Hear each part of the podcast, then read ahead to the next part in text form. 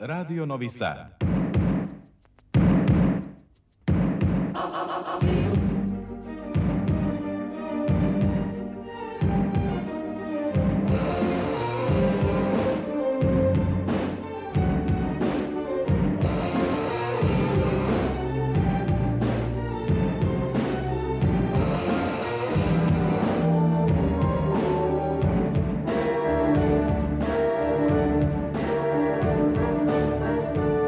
Spektar.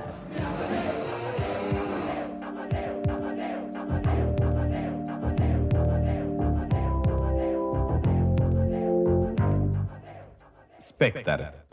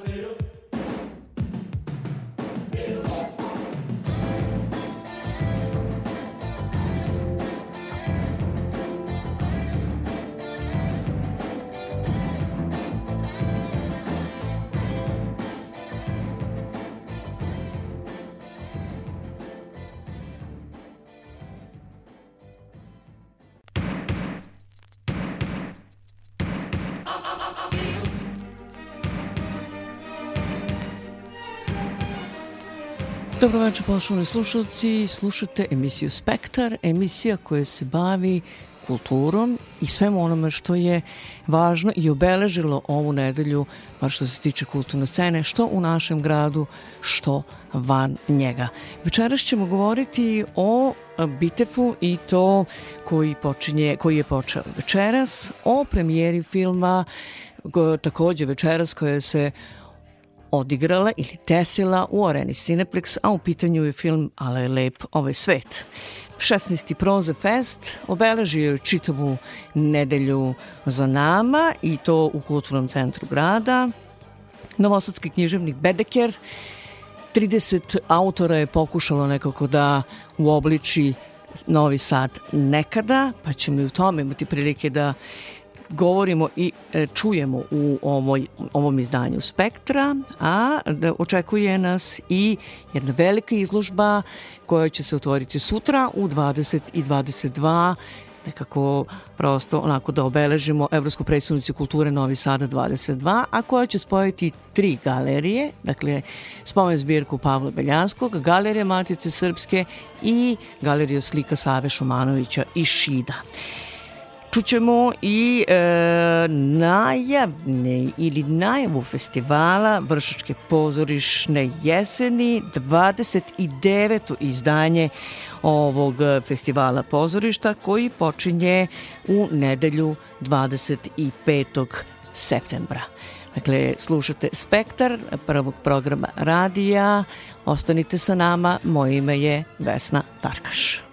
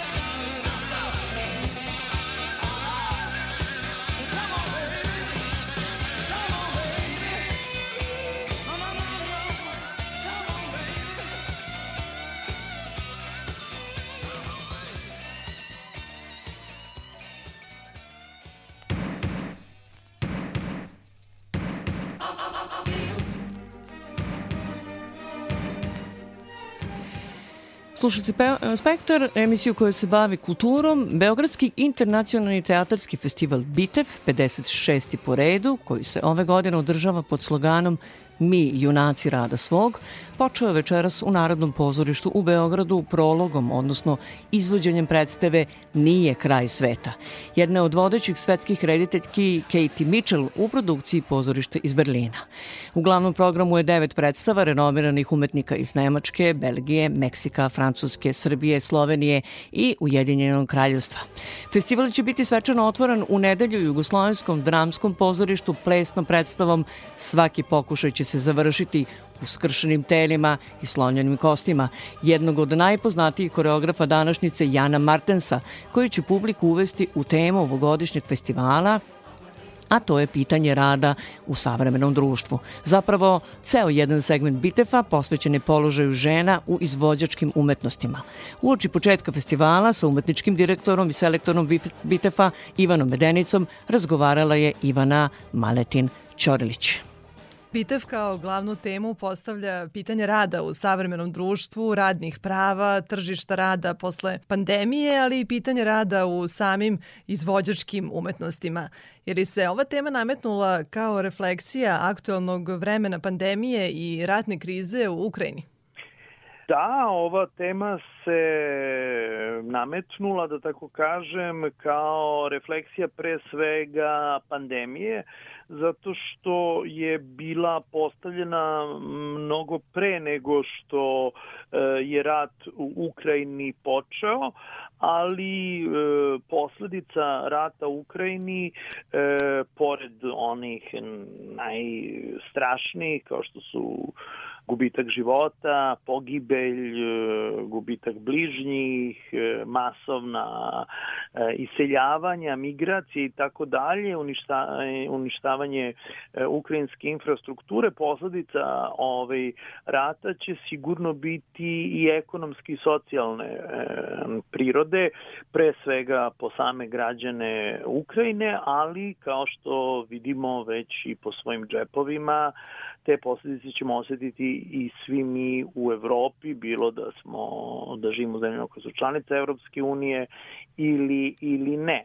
E, do duše ta ekonomska, globalna ekonomska i socijalna kriza e, nije samo posledica ni pandemije, ali ju je pandemija naravno e, zaoštrila, to je nešto što naravno možemo da pratimo sada već e, više od 10 godina ovaj, unazad i osnovni uzrok jeste zapravo taj nekontrolisani, podivljali neoliberalni ovaj, kapitalizam, gde zaista su sindikalna prava u potpunosti e, dovedena u pitanje i to znamo već ne samo, da tako kažem, onog klasičnog proletarijata, mada je to sigurno i dalje najveći problem, već i e, nekih, e, kako bih rekao, isprofilisanih, da tako kažem, profesija, odnosno profesija za koje je potrebno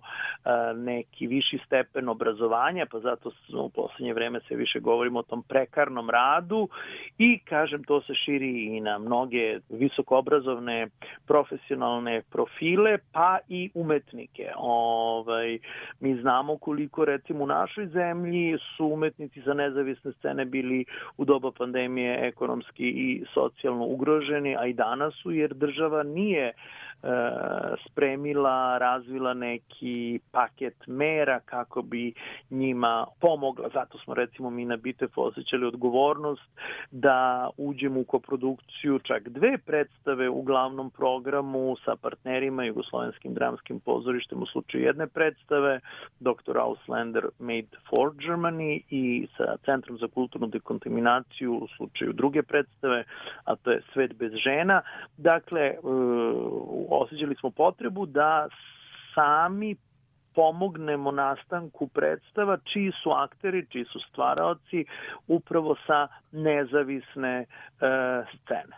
Kako se ta kriza odrazila na pozoričnu produkciju? Do kakvih zaključaka ste došli prilikom pravljenja ovogodišnje selekcije? Pa, zavisi o kom kontekstu govorimo, da li govorimo o nekom lokalnom ili o nekom svetskom kontekstu. S jedne strane imate fenomen e, hiperprodukcije, pogotovo u bogatim sredinama gde kao da se neka nešto želi da nadoknadi neko e, izgubljeno vreme i, i produkcija koja je bila smanjena ovim antipandemijskim e, merama. S druge strane, naravno, recimo kod nas se iz godine u godinu može pratiti koliko recimo i budžetska repertoarska pozorišta manje premijera godišnje što se kaže kolokvijalno izbacuju nego što je to bilo ovaj ranije slučaj. S treće strane imate e, pojavu i to ćemo imati jednu takvu predstavu na Bitefu i nekog ekološki osvešćenog i održivog pozorišta koja vodi računa o tome da pozorišta produkcija ne zagađuje životnu sredinu, a kao posledica toga je redukcija, da tako kažem, e, sredstava i jednostavno e, skromnije predstave u pogledu scenografije, kostimografije i svega ostalog. Dakle, tu negde štednja i ekološka održivost e, se spajaju i idu ruku pod ruku. Da, Bitev kao jedan od najznačajnijih pozorišnih festivala u Evropi od uvek je pratio i podržavao najnovije pozorišne tendencije. E, na koji način devet predstava koje ste uvrstili u glavni program e, tretira ta socijalna pitanja u vezi sa radom?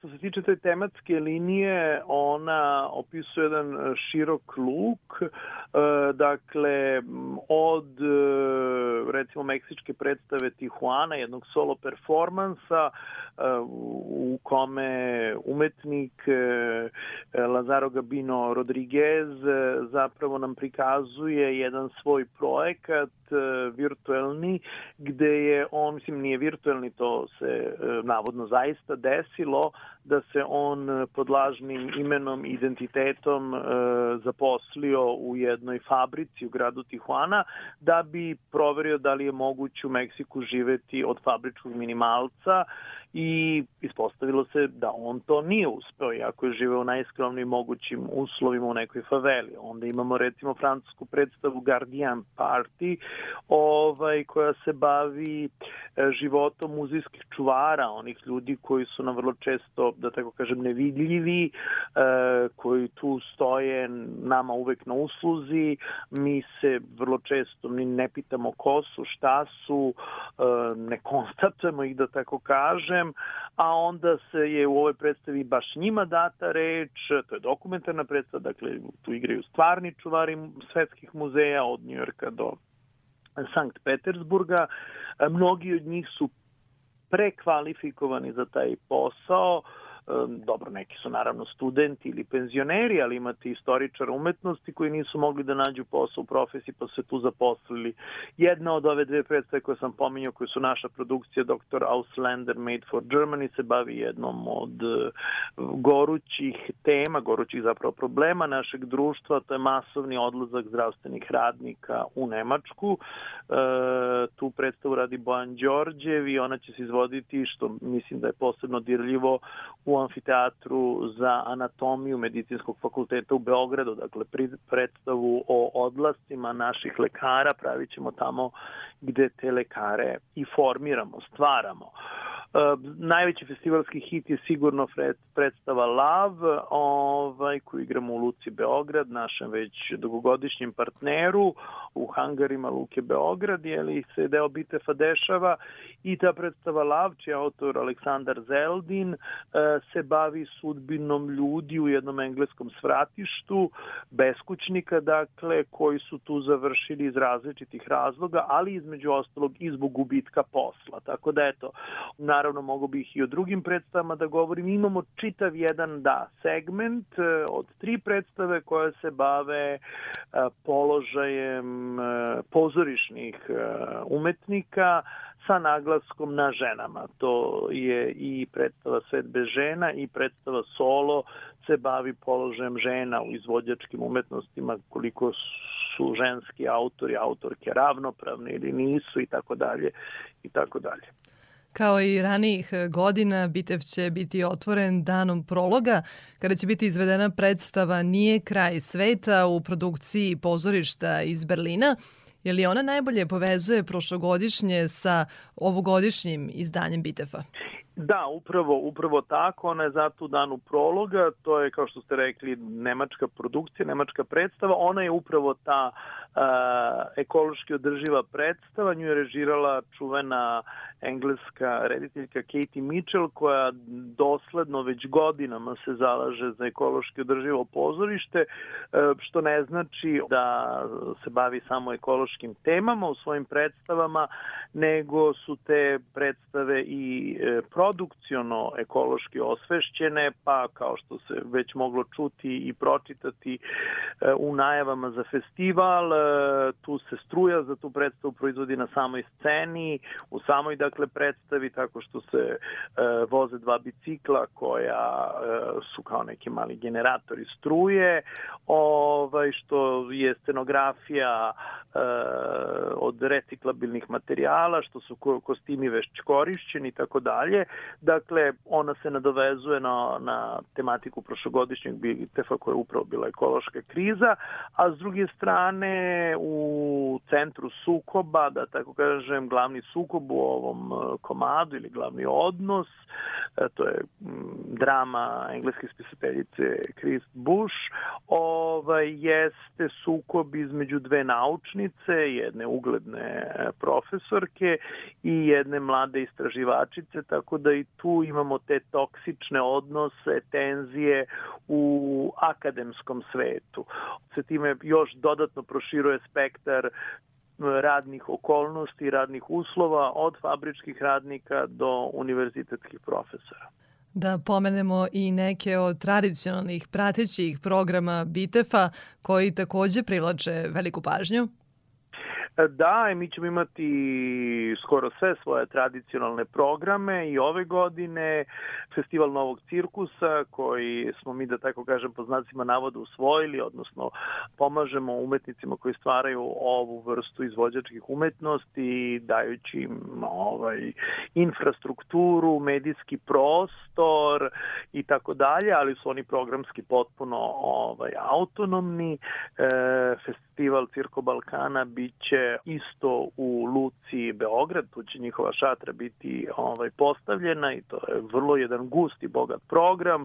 Od tradicionalnih programa to je naravno Bitev Polifonija, razgovori s umetnicima koje ove godine vodi po prvi put mlada dramaturškinja i dramska spisateljica Tijana Grumić, e, zatim Bitev biblioteka e, i dva e, specijalna, da tako kažem, programa jer nisu tradicionalni. Jedno je konferencija o jugofuturizmu, to je jedan pojam koji su mladi slovenački autori okupljeni oko platforme, oko časopisa, pa sad već i produkcijske kuće Maska, ovaj osmislili i koji je zapravo jedna vizija, futuristička vizija ex-jugoslovenskog povezivanja, razmene u sferi kulture, ali koja se ne zasniva na nekim nostalgičnim osjećanjima, na nekom prizivanju prošlosti, već je to, kažem, projekcija iz vizure jedne nove generacije koja se Jugoslavije ni ne seća, ali kojima su ovi naši nacionalni kulturni prostori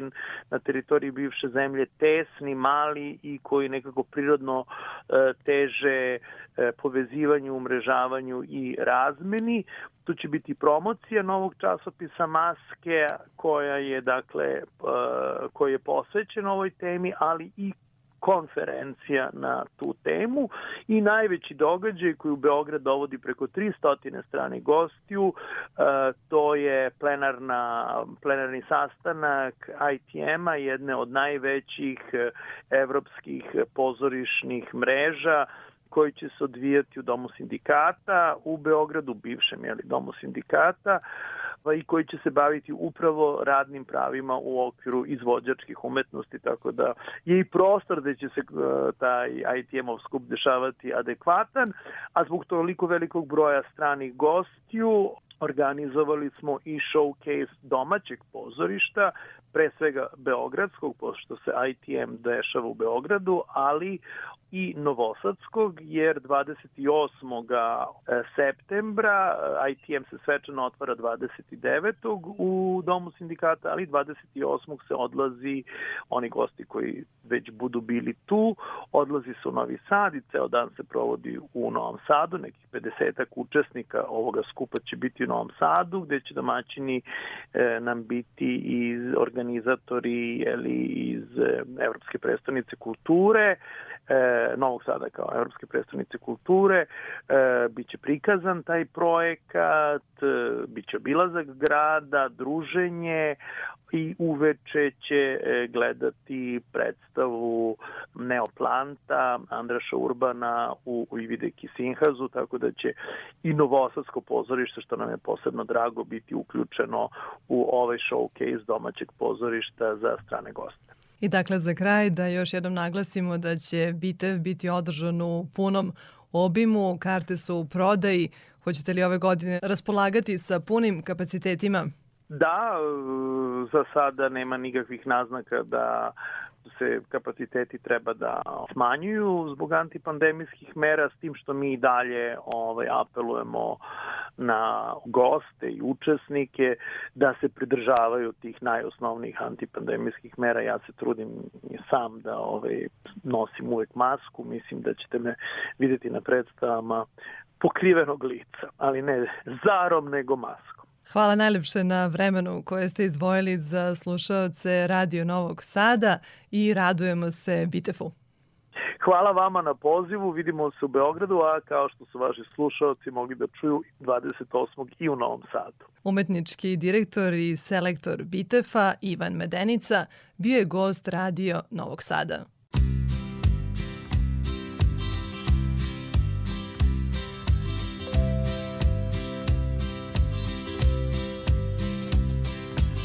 Everyone considered him the coward of the county. He'd never stood one single time to prove the county wrong. His mama named him Tommy, but folks just called him Yellow. Something always told me they were reading Tommy wrong. He was only 10 years old daddy died in prison. I looked after Tommy cause he was my brother's son. I still recall the final words my brother said to Tommy Son, my life is over, but yours has just begun. Promise me, son, not to do the things I've done. Walk away from trouble if you can. It won't be weak if you turn the other cheek. I hope you're old enough to understand. Son, you don't have to fight to be a man. There's someone for everyone, and Tommy's love was Becky. In her arms, he didn't have to prove he was a man. One day while he was working, the Gatlin boys came calling. They took turns at Becky, and there was three of them. Tommy opened up the door and saw his Becky crying. The torn dress, the shattered look was more than he could stand. He reached above the fireplace and took down his daddy's picture. As his tears fell on his daddy's face, he heard these words again. Promise me, son, not to do the things I've done. Walk away from trouble if you can. Now, it won't mean you're weak if you turn the other cheek. I hope you're old enough to understand. Son, you don't have to fight to be a man. The Gatlin boys just laughed at him when he walked into the bar room. One of them got up and met him halfway across the floor. When Tommy turned around, they said, Hey, look, old Yellow's leaving. But you could have heard a pin drop when Tommy stopped and locked the door. Twenty years of crawling was bottled up inside him. He wasn't holding nothing back, he let them have it all. When Tommy left the barroom, not a Gatlin boy was standing. He said, This one's for Becky, as he watched the last one fall. And I heard him say, I promised your dad not to do the things you've done. I'll walk away from trouble when I can. Now please don't think I'm weak, I didn't turn the other cheek. And Papa, I sure hope you understand. Sometimes you gotta fight when you're a man. Everyone considered him the coward of the county.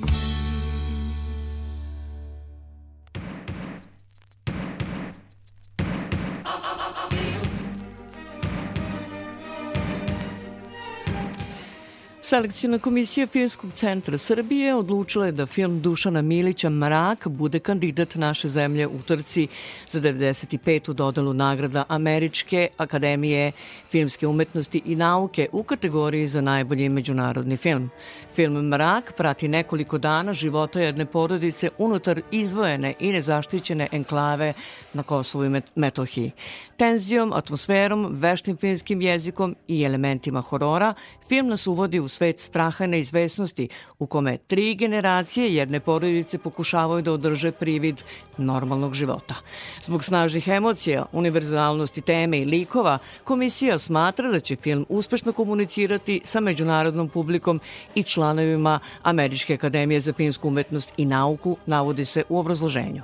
Komisija je radila u sastavu predsednik, reditelj Ivan Ikić, reditelj i producent Stefan Ivančić, scenarista i reditelj Vuk Ršumović, glumica Olivera Viktorović, filmski kritičar Božidar Zečević, montažer Dragan Petrović i scenarista Kosta Peševski. Ove godine bilo je prijavljeno pet filmova. Sveta petka, Krst u pustinji, Hadži Aleksandra Đurovića, Leto kada sam naučila da letim, Radivoja Andrića, Mrak, Dušana Milića, Heroj radničke klase Miloša Pušića i Strahinja Banović Stefana Arsenijevića. Predstojeća 95. ceremonija dodala Oscara biće upriličena u Los Angelesu 12. marta. Septembar je mesec premijera domaćih filmova. Film Ale je lep ovaj svet, Andreja Šepetovskog u režiji Filipa Čolovića, večeras je imao novosadsku premijeru u bioskopu Arena Cineplex. Romantična komedija sa Nikolom Pejakovićem, Andrijom Kuzmanovićem i Anđelkom Prpić u glavnim ulogama premijerno je prikazana na festivalu finskog scenarija u Vrnjačkoj banji, gde je ponela nagradu publike Gorki list. U toj filmskoj priči prepoznaće se mnogi stvaraoci, poručuje scenarista i glumac Andrej Šepetkovski. To je iskustvo verovatno svakog e, stvaraoca koji pokušava nešto istinito e, da radi u životu. Čime god e, da se bavi, da li je slika, da li je reditelj, da li je glumac i neminovna su stradanja na tom putu. Nisam to ja rekao, nisam ja toliko pametan, ja sam to čuo od mudrijih ljudi, jel da, da svako istinito delo mora da prođe kroz neku vrstu stradanja. Pa je tako i ta priča nastala o tom neafirmisanom reditelju već srednjih godina, koji se ne snalazi i jedva preživljava, onda se dešavaju turbulencije razne u, u njegovom životu i prvo je nastala predstava koja je igrana sa uspehom, a onda sam pre jedno šest godina napisao i seriju. A onda je nastao i serije i film.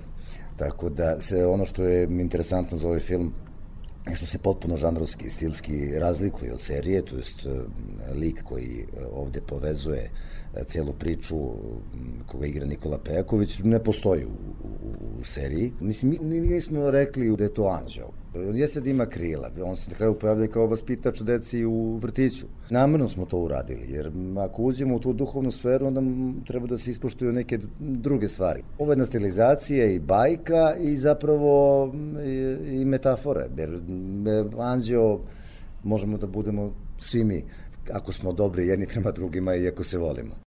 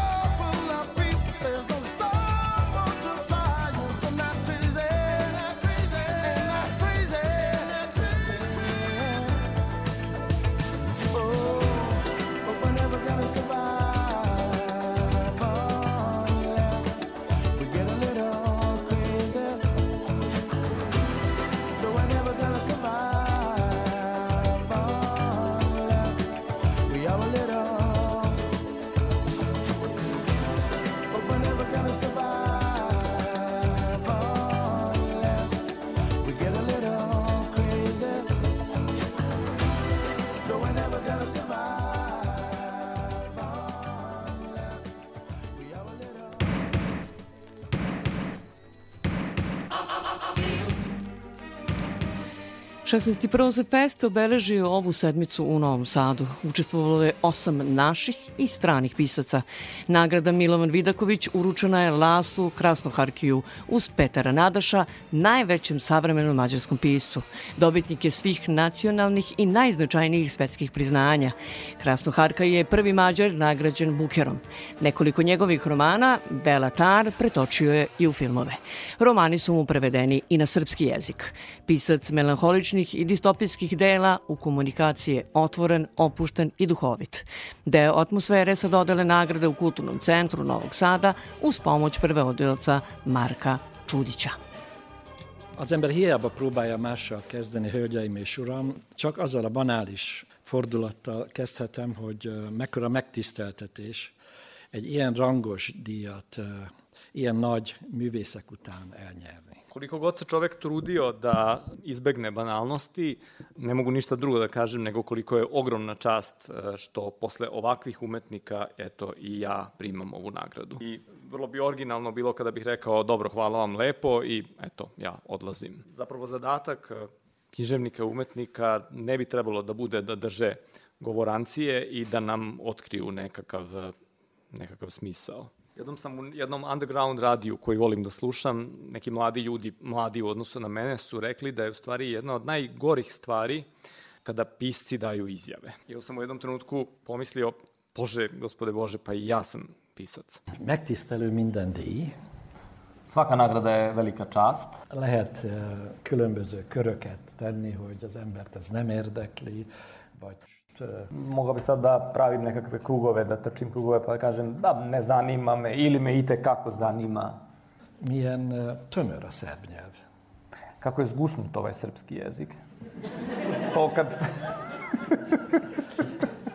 De tényleg, amikor az ember ott áll egy, ott áll egy ilyen közönsége előtt, mint önök, akik tulajdonképpen valószínűleg a nevemet se hallották soha, és itt uh, tulajdonképpen most szépen úgy el lehetne mesélni, hogy, hogy az ember hogy az ember, I pošto, mármint az ismeretlenség. I ovaj, mene zapravo fascinira to što sam, se nalazim tu pred vama, koji verovatno mnogi od vas nisu ni, mi ni ime čuli, ali je neverovatno to da se nalazim, osjećam se kao da se nalazim uvek na nekoj nultoj tački, da je umetnost uopšte bitisanje na nekoj nultoj tački. De itt uh, már eleve egy nagyon kellemes, a, kellemes légkör van a számomra, mert mindig abban bízom, hogy szláv területen a, a, a családi nevem kiejtése. Nem a... Ali ovde se osjećam vrlo prijatno, zato što imam utisak da na slovenskom govornom području, nekog slovenskog jezika, izgovor mog prezimena nije toliko, ne, ne, ne predstavlja toliki problem kao negde na nekim drugim delovima sveta. Hát igen, tréfás jelenetek voltak díjátadásokon. Például, amikor a National Book Awardot kaptam meg, bilo, Amerikában. Bilo je vrlo ovaj, smešnih situacija prilikom primanja nagrada. Na primjer, kada sam dobio National Book Award u Americi. Akkor előtte nem tudtuk, hogy ki kapja. Voltunk, nem tudom én, tizen írók, és többször odajött hozzám egy hölgy a New York Times-tól megkérdezni, hogy hogy kell ejteni a nevem. Bilo je desetak nas i nismo imali pojma ko će dobiti nagradu. Međutim, iz New York Timesa je došla jedna gost, dolazila više puta jedna gospođa kod mene da me onako diskretno pita kako zapravo treba izgovoriti, kako bi trebalo izgovoriti moje ime. És akkor, és akkor szétszettem a nevemet neki. I onda sam moje ime na, razbio na komade. És akkor próbáltam vele így mutatni, hogy most erre lépjek. Krasz. Na. Hol. Kaj. I onda sam pokušao, Én, őnek is kellett csinálnia. És akkor ezt így begyakoroltattam Ritmički vele. sam išao na jednu stranu cross, na, ho, ka, i. Prevodilac mora brže. De akkor nem tudtunk még semmit, hogy kinyeri. Én azt hittem, hogy föl fogja sorolni a neveket. Tad niš pojma nismo imali ko će dobiti. Ja sam mislio da će ona da nabroji imena. És azért, és akkor fölment a színpadra, ő volt a zsűri elnöke, I otišla je na, popela se na binu, predsednica žirija je bila, postavila se da predsednica. És akkor kicsit a Hollywood, Hollywoodi volt az egész, a Wall Street-en egy, kibéreltek egy ilyen őrült nagy termet, kerek asztaloknál ültek 15-en, hát biztos láttak ilyen filmeket. Delovalo je totalno hollywoodski, Wall Streetu su iznajmili jedan veći prostor i za raznim stolovima sedelo je po 15, 15 ljudi. Vjerojatno ste već na filmovima viđali takve situacije. És akkor, és akkor azt mondta, hogy és akkor most a díjat nyeri László I onda je rekla, a sada će i sada konačno dobitnik nagrade Laszlo Krasz, krasz, krasz, és tévék. Ez mégiscsak a National Book Award, élő közvetítés. I onda je rekla, kla, kras, i naravno tu su bile televizije, direktan prenos, ipak je reč o uglednoj nagradi National Book Award.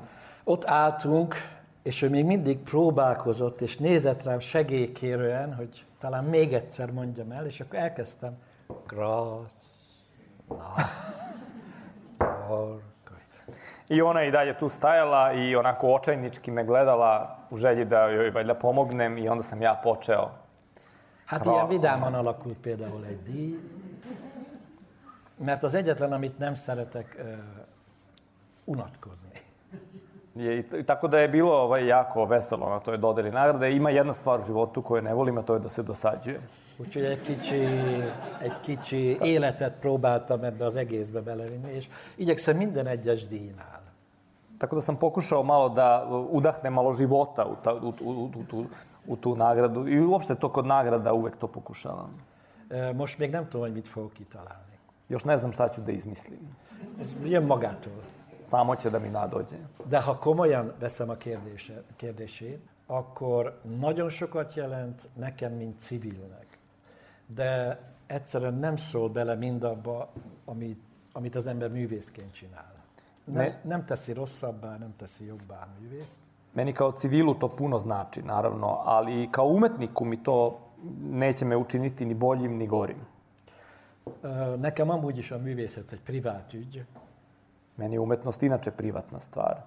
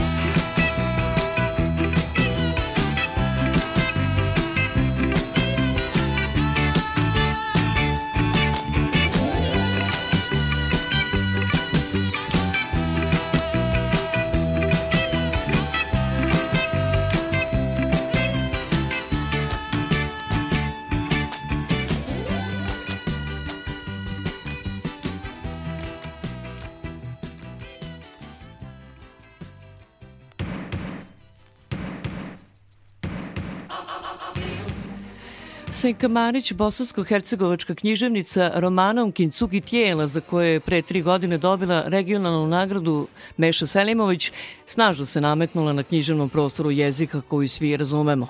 U međuvremenu objavila i roman Gravitacija, a vodi i online časopis. Gostovala je na 16. Proze festu, a sa njom je razgovarala Tatjana Novčić-Matijević. Čini mi se, osim Davida Albaharija, negde sa vašom generacijom pojavila se uopšte sintagma zvezda u književnosti. Lep pomak, Pogotovo što je već o književnosti počelo da se govori kao o nečemu anahronom, a onda je hrupila generacija pretežno ženski, moćni ženski glasovi u regionu i vi ste srećom, ne znam da li ste baš predvodnica svega toga, ali svakako jeste u žiži te, te grupe e, spisateljica koje su se naprosto nametnule svojim pismom. Pa da, mislim da bi akcenat u stvari tome bio na tome žena, znači ženskih glasova, jer ono što književnost je tu naravno vjekovima i muškarci pišu i mi čitamo isto tako vjekovima, međutim, ovaj, zahvaljujući feminizmu i sve onome, svemu onome što se dešavalo zadnjih sto godina, mislim da je konačno negdje počevši možda s mojom generacijom, ja sam tu čak malo i starija u odnosu na druge žene koje se pojavljuju na književnoj sceni u ovom trenutku, mislim da se otvara prostor kada se žene konačno osjećaju slobodne da govore i sebe, da pišu onako kako one žele da pišu, i da se ne povinuju opštim pravilima koja su vladala do sada kako književnost treba da izgleda. Znači, žene konačno počinju po meni da govore sebe, a ne da se govore onako kako im je u književnosti dosad predstavljanje da trebaju da govore o ženama. Zapravo, one na sada nameću modele književne iz svojih rukopisa. Pa činimo se da je tako, jer ovaj, ne bih htjela da banalizujem, ali muške priče čitamo već jako dugo vremena, a sada počinju da se otvoreno govore ženske priče i da se govore specifičnim nekim, mogla bih reći, i tako ženskim jezikom. Ono što je takođe lepa činjenica kada govorimo o, o vašem radu jeste da stoji jedna ozbiljna zabeleška Senka Marić je osoba koja je konačno razrušila funkcionisanje u alternativi. Dakle, Senka Marić je mainstream bosansko-hercegovačke literature. Pa da, to, to ispada tako, ali generalno Bosna i Hercegovina je mala zemlja, naš region je koji ja smatram jednim kulturnim prostorom, isto jedan mali prostor. Kad se pojavite u književnosti, ako se ozbiljno bavite sa tim, što ja radim već dugi niz godina na različite načine, između ostalom i ostalog i uređivanjem portala strane.ba, onda poznajem sve te ljude, svi se mi lično poznajemo, a ja isto tako nikada nisam bila previše a, pažljivo, da kažem, nisam previše slušala, tu priču koja postoji u nekim frakcijama feminizma i dosta je dominantna, kao da je meni kao ženi nešto uskraćeno i da ja sad treba da se zato borim i otimam to od muškaraca. Ne znam, verovatno je to vezano za moj odgoj, ali ja sam se uvijek do jako dobro osjećala u svojoj koži. Ne mislim da ikome treba mišta otimati ili dokazivati. Tako da ja zaista, iako znam da postoji jako puno problema koje žene imaju kada kreću u književni svijet, ja ih zaista nikada nisam imala. Prosto je neverovatno, evo sada kad go, razgovaramo, da su se tako slagale okolnosti, da vi sada možete bez ikakvih loših primisli da govorite o tome da, ja, ja sam osvojila jedan prostor sa zadovoljstvom, ne mislim da sam time nekoga uskratila, pravim mrežu sličnih poetičkih glasova u, u regionu. Vaš roman je zaista onako eksplodirao. Kincuki. Pa da, Kincugi tijelo u stvari radilo se o tome da je taj roman dobio nagradu Meša Selimović za najbolji roman, pošto imaju dvije, imaju mm -hmm, Srbiji, jedna mm -hmm. posebna, ovo je bio regionalna, ovaj, onda je došlo do šireg prepoznavanja, tako da mislim da je to taj faktor koji je odlučio. A isto tako, s druge strane, to mi je donijelo i dosta nekih prevoda i prepoznavanja u inostranstvu, pa su onda stvari vukle jedna drugu.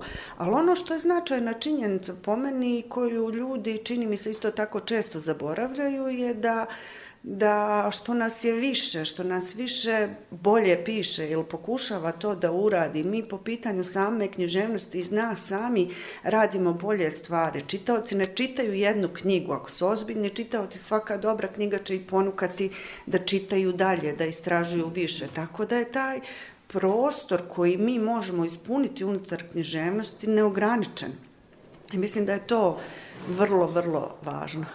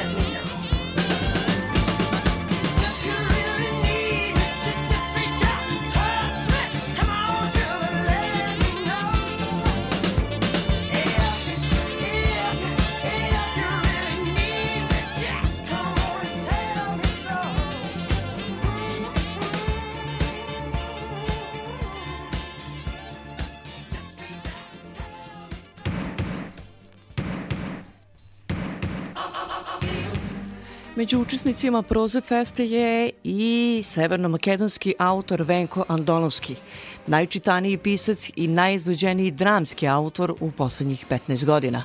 Predaje makedonsku književnost na Univerzitetu u Skoplju. Njegov roman Pupak sveta, preveden i na srpski, proglašen je najboljim na Balkanu 2001. a bio je u konkurenciji za Tolstojevu nagradu. Sa Venkom Andonovskim razgovarala je Tatjana Novčić-Matijević. Duga je kilometraža za vama u pisanju, u komunikaciji sa čitaocima, u komunikaciji na raznim jezicima, što je uvek za pisca dobro kada izađe iz maternjeg jezika. To znači da stižu i nove generacije čitalaca, pa ponegde, gotovo sam sasvim sigurno, drugačiji uglovi čitanja i promišljanja i tumačenja onoga što, što ste napisali. Da. Pa vidite, svaka generacija ima svoj violinski ključ u kojem čita vaša dela.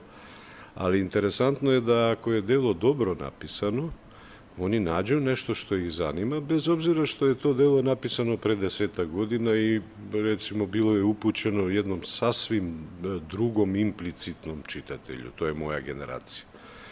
I bio je sad jedan primer na sajmu knjiga prošlom, Pupak sveta koji je napisan pre 20 godina i koji je na granici pravoslavne teološke književnosti, kupovali su uglavnom mladi ljudi. I meni to nije bilo nikako jasno, tako da smo napravili ponovo novi tiraž. Nije tačno da ljudi ne čitaju i mislim da ćemo se sve više vraćati duhovnosti.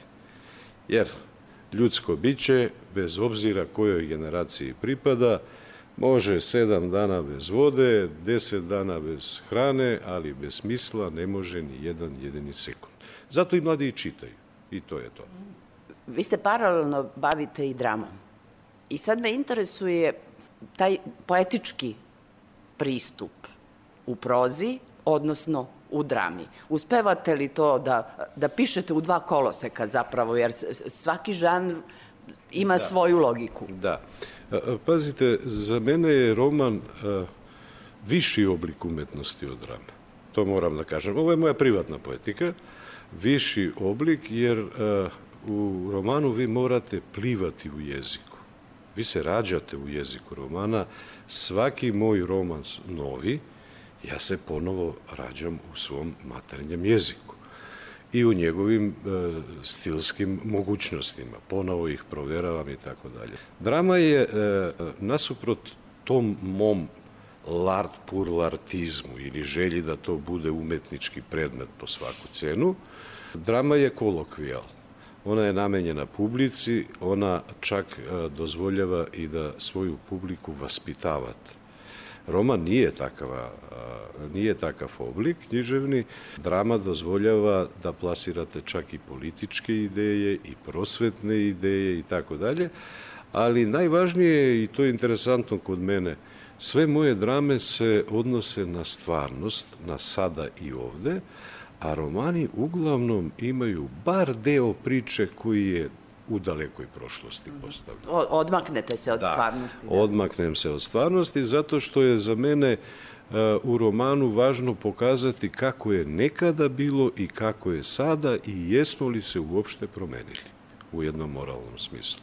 Ako mene pitate i moji romani to kazuju, mi se ništa nešto posebno nismo udaljili od Aristotela i od onih prvih filozofa i prvih moralnih principa.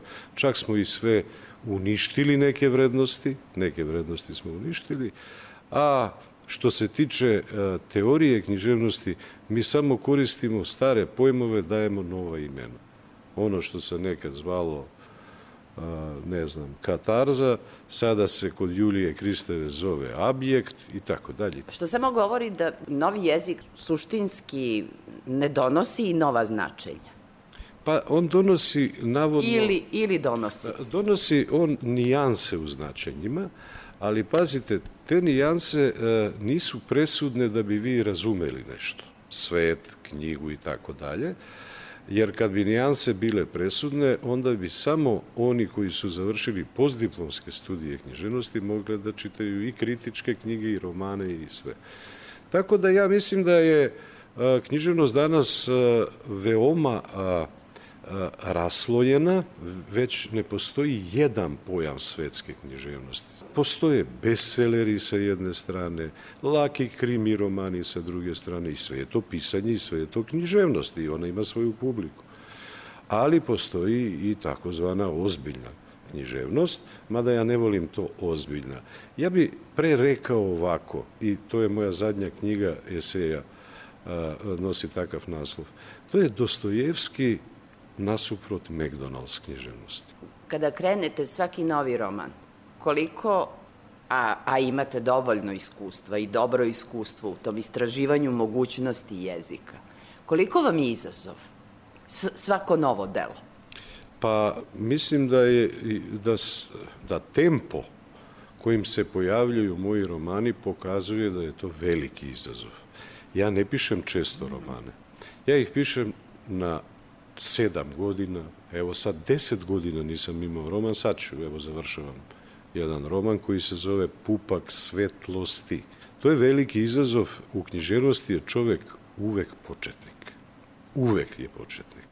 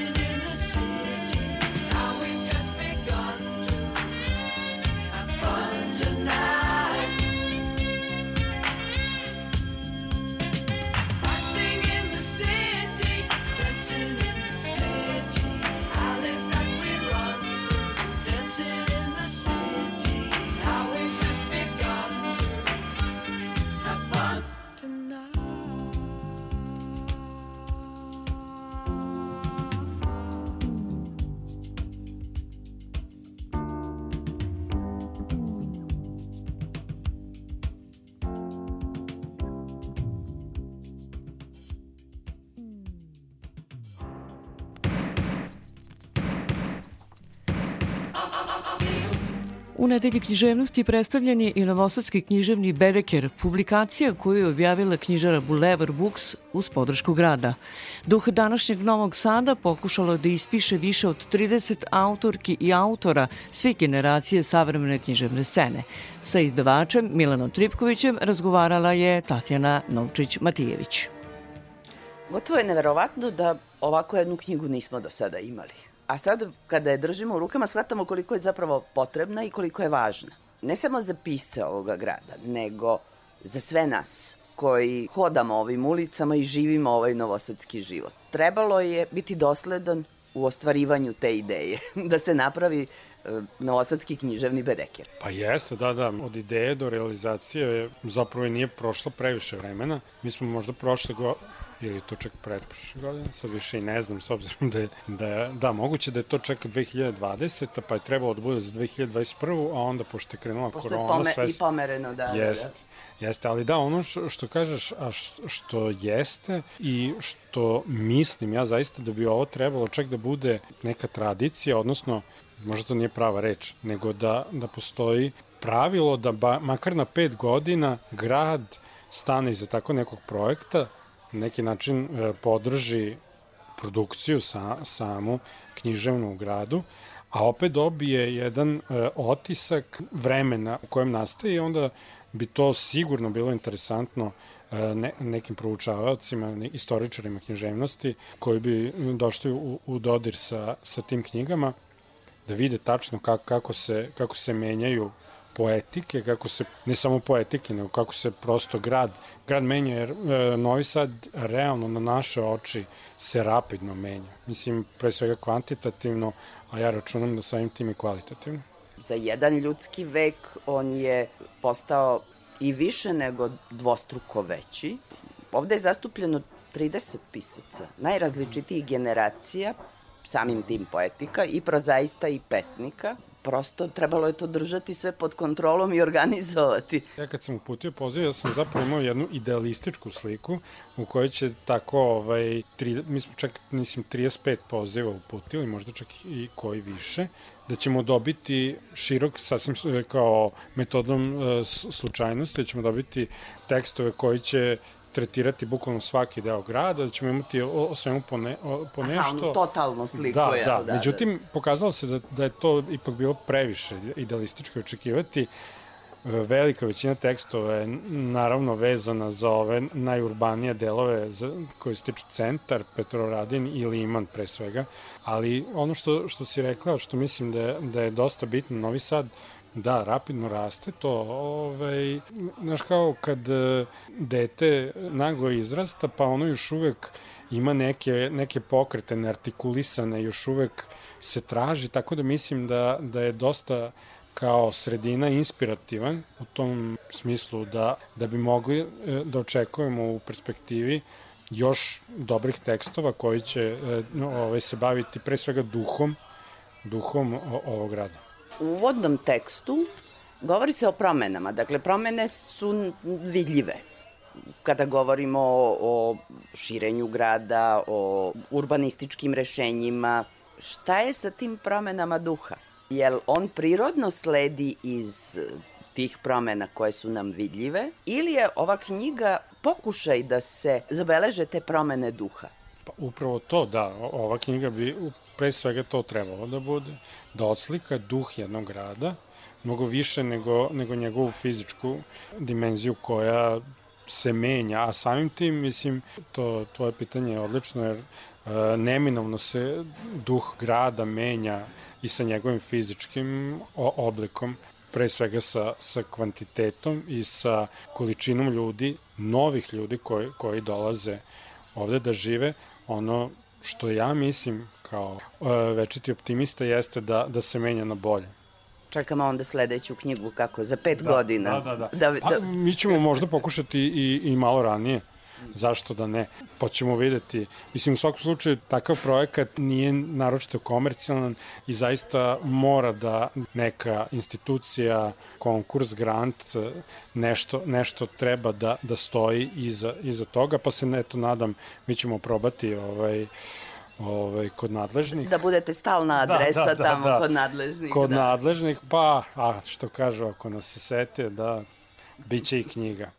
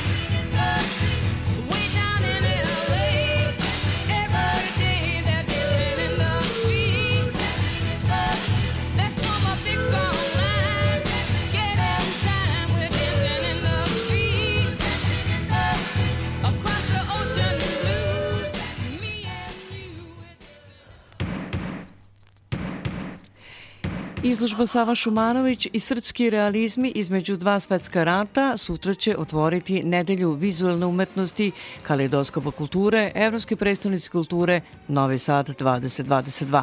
Ova jedinstvena izložba objedinit će većinu njegovih dela i okupit će tri muzeja kao mesta postavke, Svoven zbirku Pavla Beljanskog, Galeriju Matice Srpske i Galeriju slika Sava Šumanović iz Šida. Pojedinosti donosi Ana Čupić. Spomen zbirka Pavla Beljanskog kao nosilac ovog projekta je na jedinstven način promoviše stvaralaštvo jednog od glavnih predstavnika modernizma na našim prostorima.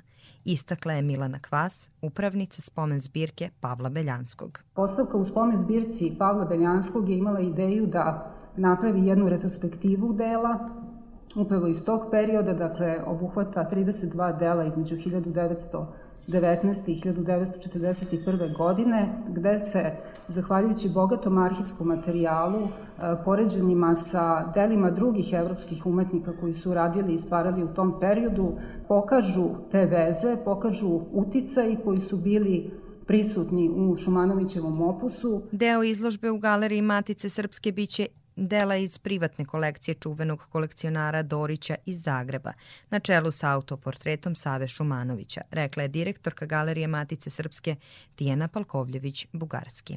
Sada ćemo prvi put imati priliku da sva ta dela vidimo zajedno u prostoru Galerije Matice Srpske na čelu sa čuvenim autoportretom Save Šumanovića, koga publika isto dugo, dugo nije imala priliku da vidi u Novom Sadu. Direktorka galerije slika Sava Šumanović izrazila je veliko zadovoljstvo što je galerija Save Šumanovića kao pokrovitelj najvećeg broja njegovih dela deo ovog projekta. Postavka u Šidu posvećena je čuvenom Šumanovićevom ciklusu Šidijanke. To je jedinstven ciklus u savremenim tokovima evropskog slikarstva. Šidijanke je, pripadaju poznom, poznoj fazi Šumanovićevog stvaralaštva. Prvi put su bile izložene na, njegovoj samostalnoj izložbi 1939. godine u Beogradu. Umrežavanje muzeja sa obrazovnim institucijama, institutima kulture, samostalnim stvaraocima u zemlji i inostranstvu vrlo je važan korak ka učvršćivanju kulturnog tla Srbije. Navela je Sara Vuletić, programska direktorka Fondacije Novi Sad, Evropska prestonica kulture. Velika mi je čast i zadovoljstvo da upravo ovom fantastičnom izložbom otvaramo i kalidoskop kulture, odnosno nedelju vizualne umetnosti u okviru kalidoskopa kulture. Ovo je jedna divna saradnja opet između više institucija, što opet govori o tome da zajedno možemo, možemo sve. Izložba Sava Šumanović i evropski realizmi između dva svetska rata biće otvorena u subotu, čime počinje i četvrta nedelja kalidoskopa kulture posvećena vizuelnoj umetnosti.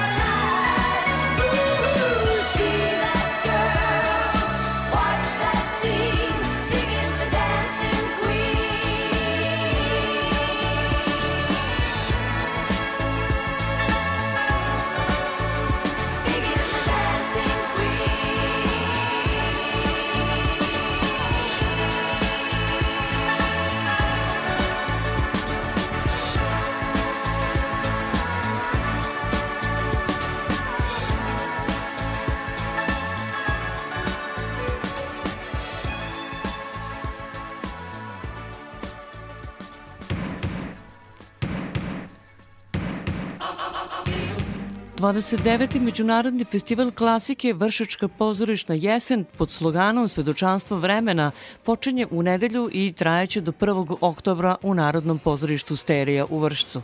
Festival će tradicionalno otvoriti domaćini ovog festivala predstavom Larry Thompson Tragedija jedne mladosti po tekstu Dušana Kovačevića, a u režiji Dušana Petrovića. Sa selektorom festivala, dramaturkom Branislavom Nedićem, razgovarala je Ana Čupić. 29. Međunarodni festival klasike Vršačka pozorišna jesen biće održan u toku sledeće nedelje u Narodnom pozorištu Sterija u Vršcu pod sloganom Svedočanstvo vremena. Kada ste pravili selekciju predstava, čime ste se rukovodili ove godine? Velika je stvar da, da neko bude selektor festivala klasike, klasike, jer su to stvari koji se tiču prošlosti, a koje su vrlo realne u sadašnjosti i koje će nas verovatno ticati u budućnosti. I kao takve negde mora da se uvek traži neki način da to što je neko napisao, što je preživalo vreme, da bude aktualno i danas.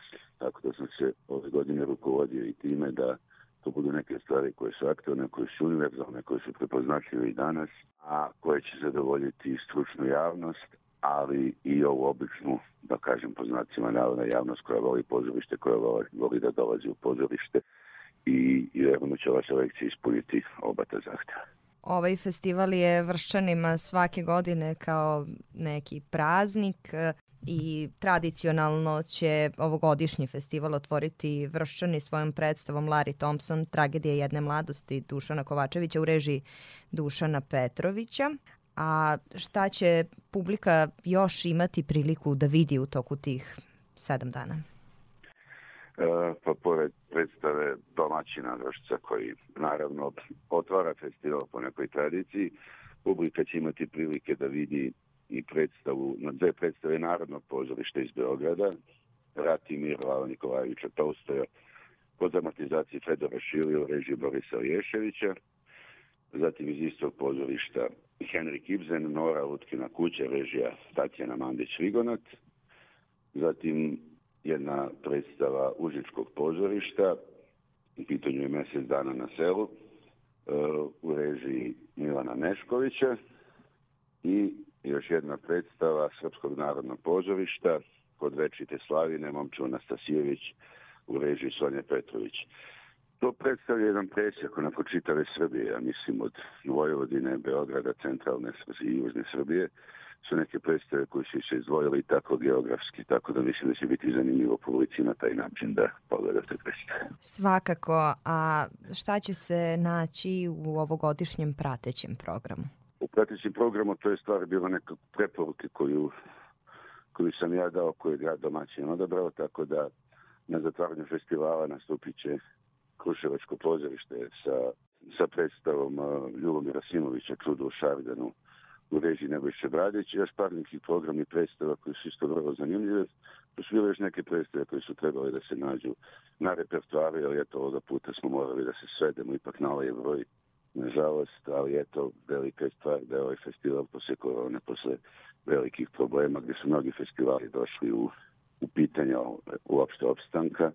Dobro je da je i grad Vršac isterija, pozorište sterija, te smo snage, sredstava, želje, volje da nastavi i da produži trajanje ovog festivala, evo po 29. put. Tako da, eto, sve pohvali organizatorima i gradu i verujem da je i ovo jedan od načina gde bi mogli drugi festivali i drugi gradovi da vide na koji način ipak moguće sačuvati festival uprkos nekim teškim vremenima koje su iza nas, a možda i ispred nas.